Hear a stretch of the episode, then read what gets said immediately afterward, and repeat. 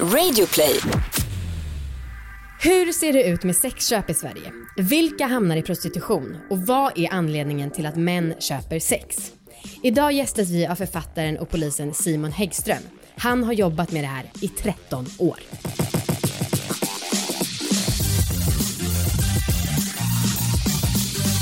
Hej allihopa och välkomna ska ni vara till succépodden Alla våra ligg. Hej, tack så mycket. Hej och tack. Hej, vad härligt med ännu en vecka och ännu ett avsnitt. Ja. Det här är en podd om sex, sexualitet och om att äga sina val. Och jag heter Anna. Jag heter Amanda. Hej. Hej. Eh, det här avsnittet som vi ska Ah. spela in idag. Jag har varit eh, uppspelt, det kanske är fel ord i sammanhanget, men eh, mycket nyfiken på att göra det. Mm. För att vi ska prata om människohandel med eh, polisen och författaren Simon Häggström. Ja, så jävla spännande alltså. Ja, och det var ju några, jag kommer, har du något personligt att dela med dig av? För jag har inte det, jag vill bara Nej, in på ämnet nej. direkt. Nej, och det skulle också kännas konstigt att så här, prata om, ja Marcus sa det här om mina bröst idag. Alltså det skulle vara jättekonstigt. Så att, nej, jag tycker att vi pratar om avsnittet direkt. Ja, eh, för nu har det ju gått kanske ett par veckor, lite mer, Mm. sen den här insats torsk hände när eh, Paolo Roberto åkte fast med råge. Ehm, och det var ju en himla... mm, På Instagram var det ju mycket åsikter. Ja, som, som vanligt. Som vanligt ja. Och alla var så himla snabba också med att uttrycka sina åsikter. Och jag funderade jättemycket, ha, ska vi lägga upp någonting? Ska vi ta avstånd från sexköp? Ehm, och det, känns, det finns ju också ett oerhört grupptryck, även om inte folk skriver direkt. Så vi som lever i den här världen känner ju verkligen så här: okej vi borde lägga upp något annars så kommer folk tycka att vi gör fel. Ja, eh, och i Freakshow, den podden, eh, så sa Messiah Hallberg att ehm, Folk hade frågat och skrivit så här, har Kinsa gått ut och tagit avstånd från det här? Eh, ja, det hade hon inte då, men sen så gick hon ut och gjorde det, tog avstånd från sexköp och Paolo Roberto. Ja, för Eh, om man inte har skrivit det på Instagram, då är man ju för. Ja, precis. Uppenbarligen. Ja. Eh, och det, jag tycker att det här är en oerhörd stress liksom, att leva med. Att man måste uttala sig om allt hela tiden. Eh, men jag kan också tycka att det är ganska löjligt. För det att gå ut och ta avstånd från sexköp är ju lite som att säga att luft är bra. För att jag tror att vi flesta tycker att det kanske är en problematisk grej. Ja, lite som att säga, ah, okej, säg tre saker du inte gillar. Krig, bråk, svält. Exakt. Alltså, ja, vi fattar att du inte gillar det. Ehm, men, och det som också är grejen är att jag kände så här, okej men vi måste ändå, vi måste lära oss lite mer. Jag kan inte det, jag vet inte vad jag tycker exakt förutom att jag tycker såklart att det verkar vara en fruktansvärd värld. Ehm, så, för jag la upp så här, ja, jag var så chockad över att han, Paolo hade lagt upp en bild med sin, jag gissar ex nu, och skrivit att han var så kär. Och sen några senare timmar gått och köpt sex. Och det skrev jag på Instagram och direkt var det någon som skrev, du menar våldtäktsköp?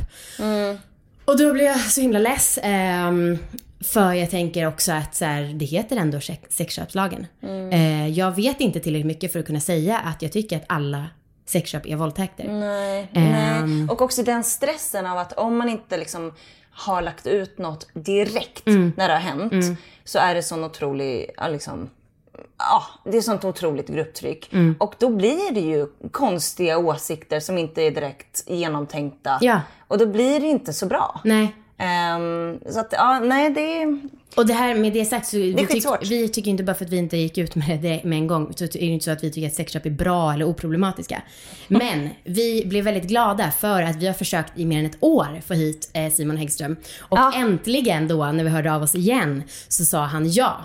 Och han är som sagt polis, har jobbat med människohandel i eh, 13 år och han är även författare till en ny bok som har kommit nu. Den heter I skuggan av sektor 5. Och han sitter här i mitt sovrum där vi spelar in för tillfället. Välkommen hit! in! Tusen tack! Det är jättekul att du är här. Har ni Ja, försökt verkligen. ett helt år alltså? Ja, Vi känner oss hedrade att du sitter här. ja verkligen. Först så sa du ju nej. Just det, det gjorde jag säkert. Och sen i researchen sa du för att jag tyckte att er podd verkade löjlig. Ja, men precis. Jag, jag eh, hakade väl upp mig vid namnet lite där. Det var väl det. Du har också ett löjligt namn. Men, men den är lite löjlig ibland. Ja, ibland så pratar vi om löjliga saker, men ibland så måste man också ta upp viktiga saker. Jättebra. Um, Okej, men du jobbar ju med sådana här frågor. Ehm, hur, hur började du med det? Det där är en jättebra fråga för att när man blir, när man blir förknippad med ett ämne, som jag har blivit liksom, om Ja. man ser mig så tänker man prostitution. Verkligen. Folk verkar, eller många verkar ha fått för sig att jag typ har drömt om det här sedan jag var liten, att när jag blir stor ska jag jobba med prostitution. Och Så var det ju verkligen inte kan jag säga. Jag eh, kommer från lilla Småland, en liten by som heter Stockaryd. Eh, jag har nog aldrig varit i kontakt med, med prostitution någonsin. Eh, men, men jag kom in på Polishögskolan, flyttade upp till Stockholm. Vi hade ett föredrag eh, med en polis från Rave-kommissionen. Eh, de, det var ju en narkotikapolisenhet under, under skoltiden och jag bara wow, jag vill jobba med, med knark, alltså narkotikaspaning. Så det var verkligen, jag var helt inne på det när jag gick polishögskolan. Eh, kom ut efter två år, gjorde min aspiranttjänstgöring här i Stockholm city och blev grundplacerad då i, eh, det var lite som att mina drömmar eh, gick i uppfyllelse för jag blev placerad i Plattangruppen på Sergels torg. Som hade en enda uppgift och det var att störa ut den öppna narkotikahandeln. Så att, alltså, jag brann ju verkligen för, för narkotikabekämpningen. Det var liksom det som jag levde för. Jag älskade att vara på Plattan och jaga langarna och sådär. Men eh, våra chefer gav oss ett sidouppdrag. Och det är ju ett stenkast från Sergels torg så det ligger ju en gata som ni kanske har hört talas om. Som heter Malmskillnadsgatan. Ja. Mm. Och eh, cheferna sa så här att ni måste också göra riktade insatser mot eh, gatuprostitutionen eh, på Malmskillnadsgatan. Så det var, det var först där jag kom i kontakt med det här brottsområdet, prostitution. Vi hade ingen utbildning överhuvudtaget på, på skolan. Men jag måste fråga, alltså jag har fått uppfattningen av att Malmskillnadsgatan är lite så att det var ett problem förut, att det inte finns längre. Att det inte är en utsatt gata, eller liksom en sån. Jo, alltså om man säger så här, backar vi till, till 80-90-talet så Ja. kunde det vara uppemot 80 kvinnor som rörde sig på de här gatorna. Ja. Gatuprostitutionen idag är betydligt mindre, Ja, eh, ja. men den finns ju fortfarande kvar. Och det är Malmskillnadsgatan och Mäster Samuelsgatan och det är inte alls lika många. Men du har fortfarande kvinnor från, alltså inte bara Sverige, från Rumänien och Nigeria som frekventerar gatuprostitutionen. Så att den lever fortfarande, men det är ju nätet idag som är den stora arenan. givetvis. Ja, såklart. Eh, men din bok, som som sagt precis har släppts, i skuggan av sektor 5, eh, den handlar ju om eh, hallickar, om prostituerade, främst från Rumänien, och om poliser. Eh, vad, berätta om, eh, och också, den inleds framförallt ska jag säga, med ord från en före detta hallick som skriver jag önskar att jag kunde säga att mycket av det här var fiktion, men det är tyvärr verklighet mycket av det. Och det är ju liksom en otroligt fängslande och hemsk bok. Eh, berätta om sektor 5, för där vad är sektor 5? Ja, precis. Jag, tror, först måste man sätta bilden och säga alltså, alltså, prostitutionsmarknaden i Sverige idag Ja. domineras av den utländska gruppen. Det vill säga utländska kvinnor som förs hit från annat land för att Ja. säljas i Sverige. Okej. Och det landet som dominerar prostitutionsmarknaden är Rumänien. Och det har helt enkelt att göra med att Rumänien är ett av Europas fattigaste länder. Ja. Och Sverige är ett rikt land. Så man tar hit kvinnorna för att man kan tjäna mycket pengar. Eh, och ehm, sektor 5, alltså Bukarest är indelat i sektorer. Jaha. Eh, ungefär som menar, Östermalm och Kungsholmen och Vasastan och sådär. Så finns det olika sektorer i Bukarest och i sektor 5 så ligger ett område som heter Ferentare.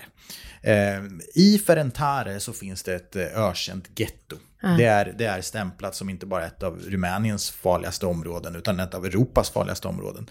Där människor lever i eh, extrem fattigdom. Eh, och eh, där, i, i, I boken så får man följa då en ung kvinna som heter Loredana. Ja. Som bor i det här gettot och som säljer sex på gatorna i Bukarest. Eh, och anledningen till att jag ville porträttera den här kvinnan Loredana redan från att hon lever i Rumänien är för att jag uppfattar det som att i Sverige så är vi ju så vansinnigt bortskämda, för att tala klarspråk. Vi tar så jättemycket för givet. Eh, en säng att sova i, mat på bordet, eh, elektricitet, rinnande vatten, ett jobb att gå till. Alla de här sakerna som vi bara förväntar oss ska finnas. Och då är det många som inte förstår då, när de här kvinnorna kommer hit och man ser de här annonserna som finns på nätet och det kan vara sexiga underkläder och putande läppar och det kan till och med vara silikonbröst va? Eh, så tror folk att Nej men de här kvinnorna, de, titta de ler ju in i kameran. De, de är frivilliga lyxeskorter. Eh, och, och så förstår man inte vad det är som finns under ytan. Vad det är de har lämnat. Och det var därför det var så viktigt för mig att porträttera hur ser de här kvinnornas verklighet ut hemma i Rumänien. För då förstår man också varför de blir så enkla offer för människohandlarna. Eh, jag brukar säga att 100 kronor är inte speciellt mycket pengar för de flesta i Sverige. Men för den som inte någonting har så blir 100 kronor jättemycket pengar. Ja. Och det är precis det här som de här kvinnorna från sektor 5 bland annat, har gått igenom. De lämnar alltså Rumänien med eh, det här att de, de vet inte ens om de har mat på bordet att sätta fram till sina barn. Nej. Och då är det jätteenkelt att förstå att de hamnar i en lägenhet i centrala Stockholm där de har sex med 5-10 snubbar om dagen. Vad blir de lovade? Det, människohandeln har ju, har ju förändrats. Jag vet inte om ni har sett, det finns ju en film som väldigt många har sett som heter Lilja Forever som, som, som släpptes för många år sedan. Och, och, och på den tiden var ju människohandeln väldigt, väldigt våldsam och väldigt, väldigt extrem. Det finns ju flera filmer, Taken och alla Ja, ja, gud ja. Eh, jag menar, människohandlarna kan fortfarande vara våldsamma, absolut. Men vi ser ju dock tydligt att människohandlarna har blivit smartare och mer sofistikerade. Eh, istället för att kidnappa liksom, så har man lärt sig att om vi går på de här utsatta grupperna, de som inte har mat på bordet, ja då behöver vi inte, vi, vi behöver inte ens luras. Nej. Nej. Förr så var det ju så här att många kvinnorna lurades till Sverige i tron om att de skulle få ett vanligt jobb. Men idag så är det så att många av de här kvinnorna från Rumänien, de är fullt medvetna om vad det är de ska göra. Men de offrar sig själva för, av kärlek till sin familj där hemma. Så åker man hit. Det man kan bli lurad på däremot är villkoren. Okej? Man, man, exempelvis så här, eh, man, man, tror, man kommer överens med sina människohandlare då att, att, att jag ska behålla 20% av allt jag tjänar och så tar de 80%. Och, och det de kanske inte alltid förstår är att ja, de där 20 procenten, det kommer göras diverse avdrag också. På de här 20 procenten. Avdrag för eh, transporter, alltså att hallikarna kör dig till och från sexköparna mitt, mitt i natten. Avdrag för mat, avdrag för boende. Avdrag för säkerhet, va? att vi, vi beskyddar dig, vi håller koll på dig och så vidare. Och helt plötsligt kan det vara så att det blir inte speciellt många kronor kvar. Va? Men, men, men de här vad ska man säga, de här överenskommelserna kan ju kan ge sig väldigt annorlunda ut. Andrei exempelvis som skrev förordet, han hade ju en överenskommelse med sina kvinnor att de fick behålla 50%. Så de splittade 50% var. Men han hade en väldigt, kvinnorna fick behålla en väldigt hög procentsats eh, där. Då. Eh, Men han var ju också väldigt smart, för det som hände var ju då att det hörde ju av sig många kvinnor till honom och sa att jag vill, jag vill jobba för dig, så att säga. För att du verkar vara schysst. Ehm, Så det finns massa olika skolor. Och det finns olika grader i helvetet, tänker jag. Ja, för det, för det eh, som jag förstod det på boken så är det också alltså, otroligt ovanligt att man jobbar utan en hallick. Alltså främst då kanske de som kommer från Rumänien, eller? Ja, men det, det är ju inte så svårt att, att- att föreställa sig. Tänk nu att eh, du eh, kommer hit till Sverige. Du säljer sex till eh, en man under en timmes tid. Han betalar 3000. Det är nästan en månadslön för de här kvinnorna hemma i Rumänien. Om de ens har ett jobb, vilket de flesta inte har. Och att då föreställa sig att de här unga kvinnorna från de här bedrövliga områdena har råd med flygbiljetter, har råd med att fixa en lägenhet genom Airbnb, har råd att lägga ut eh, eh, sexannonser på nätet, eh, mat, alla de här omkostnaderna. Det, det säger ju sig självt. De, de har inte de ekonomiska förutsättningarna. Det är därför de blir beroende av hallikarna, som oftast många gånger har det här startkapitalet. Och man får också en skuld som man måste betala tillbaka. Eh, tar vi de nigerianska kvinnorna exempelvis, Nigeria är det andra näst största landet som dominerar marknaden i Sverige. De Hur kommer det sig? Ja, du, det är en hel det Okej. tre timmars utläggning varför Nigeria. Extra långt avsnitt. Ja, det är extra långt avsnitt. Det är, det är voodoo och det är massa olika eh, saker som väger in där. Men där, Okej. där blir man mer lurad. Där, där, tog, där, där säger man många gånger så här till kvinnan att du ska betala 50 000. Eh, Du får en skuld på 50 000 som du ska betala av. Och då tror kvinnorna att det är 50 000 naira, nigerianska naira, som motsvarar ungefär eh, en månadslön för en sjuksköterska i Nigeria. Typ 13-1400 svenska kronor. Och det tänker man ju, det är inte, det är inte en alltså den, den går ju att betala av den skulden. Men det är först när de är på plats i Europa som de förstår att de där 50 000 var 50 000 euro. Så det var en halv Herregud. miljon kronor. Men vadå, det, kommer de bara plötsligt på gatan och säger till folk du är skyldig mig pengar? Eller? Ja, du, den här, ja, precis. Alltså, det här är ju, i Nigeria då, det är ju kvinnor som kommer från stammar, liksom, ute på den nigerianska landsbygden många gånger. Jag har träffat kvinnor som inte ens vet vad en hamburgare är för någonting. De kan inte läsa, de kan inte skriva, de har ingenting när de väl står vid, nere vid Stureplan. Jo, men jag fattar inte ingenting. hur man- någon kan, alltså de bara kommer till stammen och säger hej du, eh, du är skyldig mig pengar. De Eller? nigerianska kvinnorna luras mer. Ja, de luras mer. Det, det är den gamla typen av människan som lever kvar. Man luras till Europa, drömmen om ett bättre liv, att man ska få jobb. Hårfrisör är väldigt vanligt exempelvis. Men så placerar man dem på Stureplan istället och så får de jobba av den här skulden på en halv miljon för att återfå sin frihet. Och gör de inte det så har man ihjäl eh, familjemedlemmar där hemma. Åh herregud. Har de kontakt med varandra de här kvinnorna? Ja, det, det, det, kan de absolut ha. Eh, ofta så är det ju så också att de kommer två och två. Eh, att, och att, alltså, så att säga, människohandlarna placerar dem i lägenheterna två och två. Så att Okej. de ska ha sällskap, liksom, kunna liksom, på något sätt prata med varandra. För att de här kvinnorna, de är inte ute, och det är också så här, de är inte ute och kör sightseeing. Liksom. De går inte på Djurgården eller på ABBA-museet eller något sånt där, utan de sitter i sin lägenhet. Och många gånger så går alltså ibland så är det så att hallikarna åker och häm, häm, hämtar mat och kondomer bara för att de ska vara tillgängliga hela tiden. Så att vissa av dem vi träffar har ju aldrig varit utanför dörren mer eller mindre. I, enskilda fall ska jag säga så har vi gått in i ärenden där kvinnan inte ens vet vilken stad hon befinner sig i. Eh, så man säger fel, ja, men det är, jag, jag tycker Göteborg är en fin stad. Men det är Stockholm nu. Liksom. Så, att- så att de vet inte ens vad de är alltid. Nu är den stora färgfesten i full gång hos Nordsjö Idé och Design. Du får 30% rabatt på all färg och olja från Nordsjö. Vad du än har på gång där hemma så hjälper vi dig att förverkliga ditt projekt. Välkommen in till din lokala butik.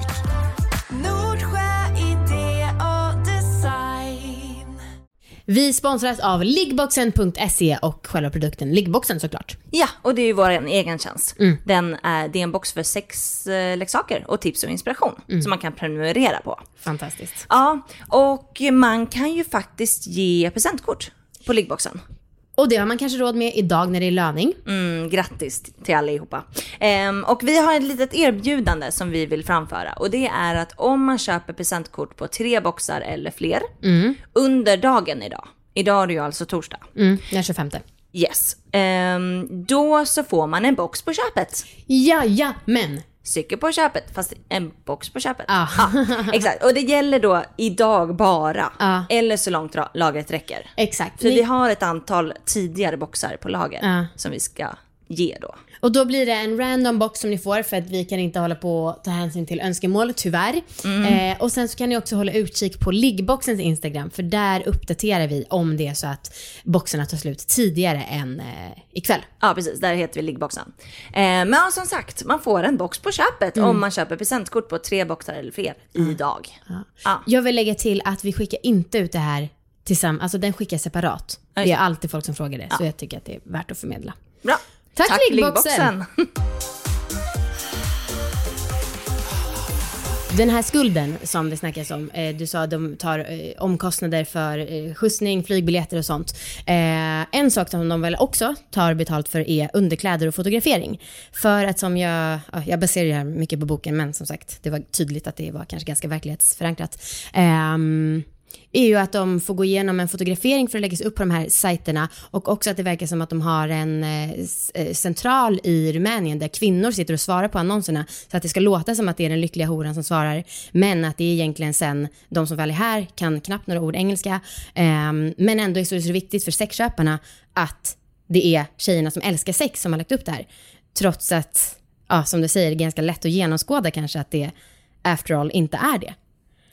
Berätta lite om, det var en dålig fråga, men berätta Nej. om hela den Nej, grejen. men men det, här, det här är jätteviktigt att, att än en gång förtydliga, för det här är ju prostitution, människohandelns, liksom, alltså den här illusionen. Ja. Att, alltså, gemene man där ute tänker så här, när man hör ordet människohandelsoffer, då tänker man Lilja Forever. Man tänker en kvinna som öppnar dörren, hon är sönderslagen, mascaran rinner, blod från hennes läppar, hon har blivit slagen, våldtagen, hon hålls inlåst. Då tycker alla fruktansvärt, hoppas polisen kommer att rädda henne.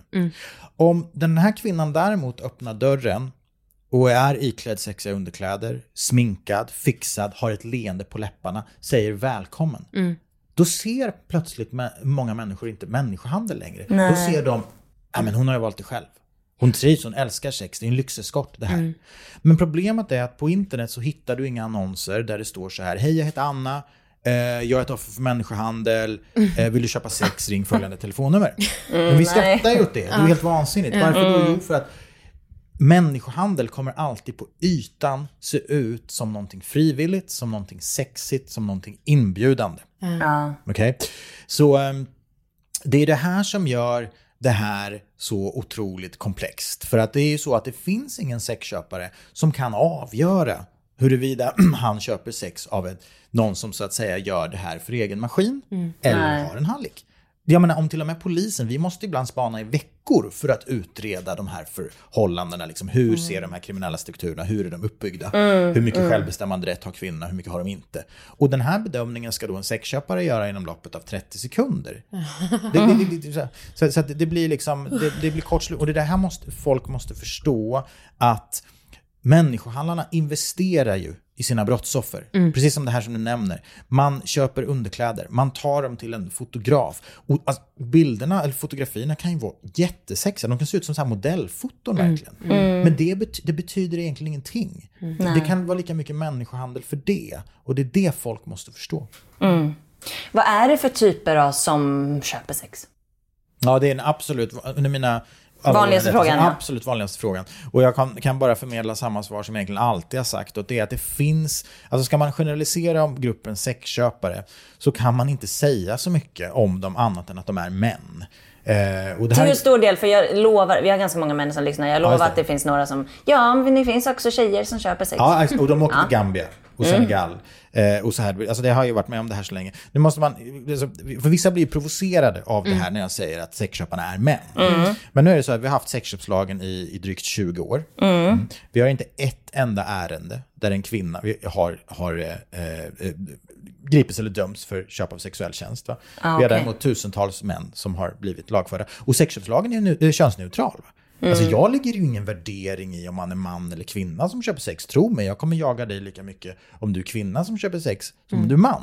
Men av någon märklig anledning så verkar det som att ni kvinnor inte är lika angelägna om att köpa sex. Sen så kommer då de här, eh, ja, Kvällspressen brukar någon gång om året slå upp en artikel där de har intervjuat någon medelålders eh, svensk kvinna som har åkt då exempelvis till Gambia och, och, och, och där har någon form av då yngre man som, som hon har så att säga betalat pengar till. Men, men det, det, alltså, det är klart att det kan finnas enskilda kvinnliga sexköpare, absolut. Ja. Men vi måste våga prata om problemets kärna för att an, antingen kommer vi aldrig Annars kommer vi aldrig komma fram till en lösning. Och jag kan, jag, jag, jag, kan säga det för att jag själv är man. Ska vi få bukt, och det skriver ju André i sitt förord också, ska vi få bukt med det här problematiken, då måste män i Sverige sluta köpa sex. För vi kommer att fortsätta komma, för det finns alldeles för mycket pengar att tjäna för de kriminella nätverken. Vad tror du det är då? Varför köper de sex? Alltså, vad är det som lockar liksom? Det finns, jag, jag, tror att det, jag tror att det är viktigt att inte generalisera för mycket. För precis som de som säljer sex och även de som köper sex, alla bär på sina unika historier. Ja, Eh, jo. Men om man, tar, om man tar lite så här, vissa handlar det ju om fantasier. Alltså att man, man har någonting som man kanske vill göra som man inte vågar föreslå där hemma, eller som man kanske inte får göra. Ja, vad gör man då? då? Då betalar man sig till det här. Vissa eh, vill bara ha omväxling. Exempelvis vad man, man, man har levt tillsammans länge med kanske sin sambo eller fru eller vad det nu är och känner att man, man vill ha om, omväxling, ha någonting annat. Ehm, andra kan ha, ha mer så att säga djupgående förklaringsmodell. Det kan röra sig om tunga sexmissbruk. Jag, menar, jag har träffat män som har fullständigt tappat allt. Jag minns vi grep en man som hade tagit 100 000 i sms-lån. Och ni vet ju, de, de räntorna är inte fördelaktiga. Nej, man säga. Bara för att han var så desperat för att köpa sex. va. Så, så att, och han sköt mer eller mindre hela sin ekonomi i sand. Åh herregud. Ehm, och, och, det, och så, det, det finns de som eh, är mer av det våldsammare slaget, va, som, som vill då utöva våld. Och det här där är makten eh, som är viktig, alltså förnedringen, att, att jag äger en annan människa. Eh, det finns en mängd olika förklaringsmodeller, men det som, är, som, som, som på något sätt är sammanfattande för alla de som köper sex är att det är egoismen. Okej? För att jag tänker så här, om jag har sex med någon som vill ha sex med mig, då känner jag ju det. Ja. Om, jag vill ha, om jag har sex med någon som inte vill vara med mig överhuvudtaget, Ja. Då känner jag det också. Ja, och, och det är ju det som är med, med de här eh, männen, att de bryr sig inte. De bryr, det enda de bryr sig om är sig själv och sin, egna, sin egen orgasm. För att tala. Sen, sen så skiter de i den andra parten. De tycker att men de har fått sina sedlar, nu är det, liksom, nu är det min eh, tillfredsställelse som, som gäller. Så att det är ju väldiga, väldiga egoister skulle man kunna säga. Veckans sexläxa. Okej, hur har det gått för mig undrar du? Ja, Ja? hur visste du det? Nej men jag kunde se det i dina ögon. Jag hade ju som läxa att jag skulle ha sex orakad. Just det. Ja, för att jag kände mig ju lite som ett barn. Eller liksom jag kände mig lite barnslig. när jag hade sådär lite hår och så. Mm. Ja, men fast i rakandet. Ja, jag var fast i det. Eller var är Oj, det? det är jag låter som att det har skett Ja, en oj, stor oj, oj. förändring. Nej men det tycker jag ändå att det har gjort lite. Jaså? Alltså den här veckan, gud det är väldigt, nu blir det, ja, ja, ja det blir väldigt detaljerat om mitt kön. Nice! Äntligen, som vi har längtat. Jag lutar mig tillbaka märkte jag för att få höra det här. Nej men tidigare så har jag rakat ganska mycket och liksom lämnat lite grann på toppen. Ja, Ja. Nu så har jag liksom mer ansatt. okej. Låtit ganska mycket hår vara kvar. Mm. Däremot rakat bikini. Ja. ja linjen säger man väl. Mm. Ja. Ja, och eh, jag och Marcus har legat. Jag sa ingenting till honom. För jag tänkte att nej, jag vill nog inte att han ska få säga, tycka till heller. Nej, just det.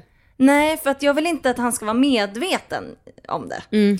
Ja, men och så, lå- innan vi hade legat så ansade jag lite och då blev det ganska dåligt. Jag antar att det tar lite tid att En få snitsen. så att det blev ganska fläckigt och fult. Aha, för du rakar liksom lösare då? Ja, precis. Jag förstår. Mm. Ehm, så att det, det, var, det var nog en av mina fulare vaginor jag haft. Men det gick bra ändå. Ja. Alltså Marcus gick ner på mig och jag tänkte så här, oj nu händer det, nu händer det, nu gör han det. Eh, och vi Ja. Det låg jag tänkte så pass. Ja, för jag, jag, det var ju ändå läxan. Ja. Ja. Men det kändes helt lugnt. Han sa ingenting, jag gjorde ingenting. Han, nej, inget särskilt. Nej? När Som ett helt vanligt När han kön. såg mig så sa han hej. så att jag nej, tror att han tyckte att det var gött ändå. Ja. Ehm, men däremot, jag funderat på om jag ska låta honom veta om min tankeprocess. Mm, just det. För det är ju konstigt att jag gör läxor som han inte vet om. Ja, För han borde ju veta att så här, snart borde det vara en läxa som är igång. just det. Just det, Mm, just så det. han undrar säkert. Eh, så jag tänker att jag kanske kan förlänga det en vecka, men då den här veckan så ska jag säga till honom. Det tycker jag är jättebra. För Du, ju jag också- har förändrat en grej med mitt kön. Exakt. För man vill ju, om, alltså, om, han, om det är så att han säger att han gillar dig mer rakad, ja då, så kan det ju vara. Jag Ja. tänkte säga, man, man, då hatar man honom, fast så är det ju inte riktigt. Nej. Utan man kan ju förstå, framförallt vid oralsex, att man inte vill ha Självklart. hår i munnen. Men man vill ju ändå veta hans tankar om det är så Ja. att han inte har sett det överhuvudtaget. Det, ju, det tror jag är det troligaste. Tror du? Ja, absolut. Ja, spännande. Alltså häromveckan så sa ju Viktor till mig, han visste att jag skulle klippa mig. Ja. Så han sa dagen innan jag hade klippt dig, åh, har du klippt dig? För att han var så orolig att missa det. Men så sa han det innan jag ens hade varit hos frisören. Så är det ju typ för de flesta killar. Mm. Ja, men jag, jag tror att Marcus och jag kommer ligga idag. Jag ska säga det till honom efteråt. Ah, grymt. Mm. Jag ska se vad hans reaktion blir. Ah. Mm. Okej, men då tar jag en vecka till. Eh, precis som vi har sagt under sommaren så blir det kanske lite längre läxor. Jag Men det är bra. Ja. Man får lite extra tid på sig att utforska. Mm. Okej, då får du höra resultatet om en vecka. Bra. Vi hörde av en kompis eh, som inte är polis, men ändå att den vanligaste frågan till prostituerade är hur mycket våld får jag använda? Det överensstämmer inte med den bilden jag har av Det glädjer mig någonstans. Ja, för jag ja. orkar inte att alla män, förutom att var tionde köper sex, så orkar jag inte heller med att alla ska vara Våldsamma. våldsamma också. Det, det, det beror på givetvis hur man definierar våld också. ja. Eh, givetvis. För, för att köpa sex i sig Ja. eh, är ju en, en, alltså, kategoriserar vi som en del av mäns våld mot kvinnor. Ja. Men så som jag tolkar frågan så är det alltså att man är våldsam Ja, i precis. den sexuella Precis. akten. Liksom, och kanske slår eller vad man nu kan tänka sig. Och, och, och vi känner Eh, vi har så pass bra förtroende hos många att om det hade varit normaltillståndet i prostitution så hade man berättat det för oss. Okej, Nom- Jag skulle säga det normala sexköpet idag är 1500 kronor för samlag och oralsex. Eh, det är ungefär det ligger. Ja. Men så måste jag fråga, har verkligen en av tio köpt sex? För det Ja. är en siffra jag har sett och som jag liksom inte kan förstå. Nej, jag, jag märker att många har svårt att greppa den siffran. Ja. Eh, och eh, man, man måste förtydliga den siffran lite grann. För att jag ser att det slås ju upp i alla möjliga medier till höger och vänster. Eh, tittar man på, det har gjorts flera olika undersökningar genom åren, befolkningsbaserade sådana. Eh, och eh, det finns... ehm, de undersökningarna som rör sig ner mot liksom 7,5 procent och de som rör sig upp mot eh, 30 13-14 procent. Eh, och, och någon som rör sig 10 procent. Jag brukar säga så här, jag tror att man ska dra ett medelvärde kring den liksom, eh, lägsta siffran och den högsta siffran och lägga sig någonstans runt 10 procent. Jag tror att det är rimligt. Men då ska man ha klart för sig att vi pratar om eh, om man någonsin under sin livstid har köpt sex. Vi pratar inte om att, man, att 10% säger att de köper sex varje vecka. Nej. Nej. Och man ska också ha klart för sig att tittar man på de här undersökningarna så uppger ett stort antal, vi pratar mellan 70 till 80% att deras senaste sexköp har skett utomlands. Ja, just det. Så jag tror inte heller att det är så att eh, en av tio män köper sex i Sverige, utan Thailand i sin ungdom kanske, eh, eller tjänsteresa, Berlin, eh, Amsterdam, eh, och så vidare. På Men om- det är ju betydligt fler. Ja, på, på tal om det så var jag i Amsterdam för några år sedan och jag gick på ett museum, jag kommer inte ihåg vad det hette, men det handlade om liksom prostitution. Och där så stod det en grej som jag blev lite paff eh, av och det var att eh, Ehm, det är ganska, var en ganska hög siffra på att det blev inget sex. Av de som, de som ändå köper liksom, eh, ett ligg av en kvinna så blir det inget sex. Eh, utan att de flesta köp är då sexlösa. För att, jag vet inte, av prestation eller jag vet inte riktigt vad det är, varför det inte händer. Eh, men det kändes liksom orimligt eh, att det är så. Tror, tror, vad tror du? Knacka på fönstren där i Red Light District och fråga kvinnorna från Albanien, Rumänien, Jag kan liksom inte tänka mig Är att... pratstund? Eller? Bulgarien och fråga om, de, om, om, kvinn, om männen bara vill komma in för att prata. Det, det, det, det där är bara skitsnack. Det är bara skitsnack. Ja, visst klart att det kan finnas enskilda individer som behöver någon form av eh, samtalsterapi Mm. då, men varför ska man då gå till en kvinna som befinner sig i prostitution? Det, Ja, det verkligen. Nej, eh, som sagt, jag har gripit, eh, jag vet inte vad jag kan ha gripit, jag, jag, brukar, jag har gjort några överslag, ett, ett par tusen män. Har du gjort jag så många? Har jag suttit ner och pratat med de här miljöerna. Och jag har väl aldrig någonsin varit med om en man som, som då bara skulle ha betalat eh, 1500 för att sätta sig och prata en stund. Nej, liksom. nej. Det, det, det är sådana här myter som f- liksom drar iväg ibland. Mm. Eh, så nej, det, det, det håller jag inte med om. Nej. Vi sitter och viftar jag och Anna till varandra för vi har så många frågor. Så att, eh, vi, och vi har ju också tänkt så här, vi visste att vi skulle ha många frågor så att vi tänker att vi ska eh, spela in, fortsätta spela in men dela upp det för er lyssnare i två avsnitt. Eh, jag har en fråga som jag måste ställa för du sa det här med att det bara är män som du har råkat ut för. Eller nej, dels måste jag säga så här. Vad eller vilka aktiviteter räknas som ett sexköp? Och låt oss ge lite bakgrund till den här frågan som är personlig. För att jag har genom årens lopp gjort lite research inför alla våra ligg. Någon gång fick vi ett mail från en kvinna som skrev, har du hört talas om den här massören som ger erotisk massage? Eh, ni borde ha med honom i podden. Och då så skrev vi till honom och frågade om han ville gästa. Och jag, eh, eller han sa nej jag vill inte vara med men en av er kan komma och få massage av mig så kan ni prata om hur det var i podden. Och jag har varit lite testperson så jag bara, ja, men okej jag går. Eh, den här massagen var så mycket mer erotisk än vad jag någonsin hade kunnat föreställa mig. Alltså jag blev så otroligt upphetsad och avbröt för att jag, ja, eh, jag hade inte betalat något för det, men för att jag tyckte också att det kändes konstigt mot min eh, kille. Eh, och då sa han, men vad då, du kan väl se det här som en mänsklig onanistund. Så han uppenbarligen var ju den som njöt i stunden, även om jag också gjorde det fysiskt. Men räknas det om jag hade betalat som ett sexköp?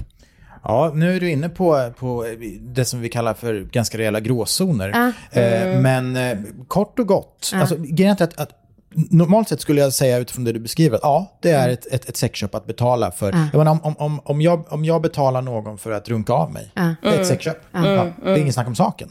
Eh, så att, eh, men, men, det som är, det, har- det har ju dykt upp på senare år en mängd olika typer av olika så att säga, erotiska massager av olika slag. Ja. Och eh, det som gör att jag är, är lite ändå så här och inte slår liksom näven i bordet är att vi, vi har liksom inget rättsfall på det här riktigt, eh, tycker jag. Vi skulle behöva domstolens liksom, eh, eh, syn på liksom, vad exakt de här olika massagegrejerna, var går gränsen. Men absolut, om det är så att man betalar pengar för att bli tillfredsställd sexuellt, Men vissa blir ju det, Så är vissa det har ju fetischer så att de blir det av liksom fotmassage. Ja, Det är ju ja. alltså, det är speciellt, är det då att man måste vara en viss radie från könet som gör... Vi, vi, pratar, ju- vi pratar ju, vi ska inte gå in på liksom för mycket tung juridik här, men vi pratar ju definitionen av liksom sexuell handling. Ja. Eh, och, och, och, och det är ju liksom de, de här traditionella, jag menar eh, så samlag, mm. oralsex, analsex, eller att man stoppar upp sina fingrar eller smeker. Liksom.